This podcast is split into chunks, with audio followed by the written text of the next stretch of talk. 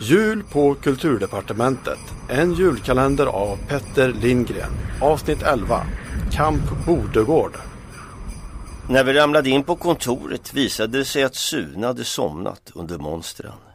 Strutkillen hukade ännu över ritbordet med en kopp Afrikakaffe i högsta hugg. Hej hopp!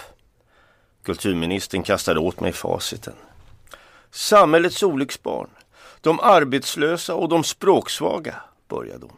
Kronvraken, flyktingarna, alla dessa jävla KBT-terapeuter. Vi skolar om dem till översättare, ja hela bunten. Jag knattrade och vagnreturade så hårt att Sune vaknade till. Men tänk om de inte vill, muttrade han grynigt.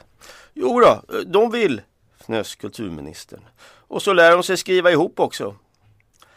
Verksamheten kunde med fördel inhysas i de tomma vapenfribarackerna i Bagartorp, menade hon. Med 10 000 översättare i drift borde vi få en genomströmning på bortåt 100 miljoner tecken höglitterär text per dag.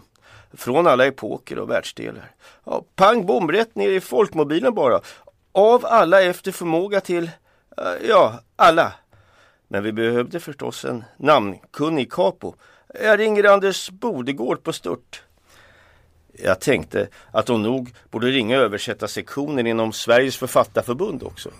Men jag sa det inte. Jag knattrade på.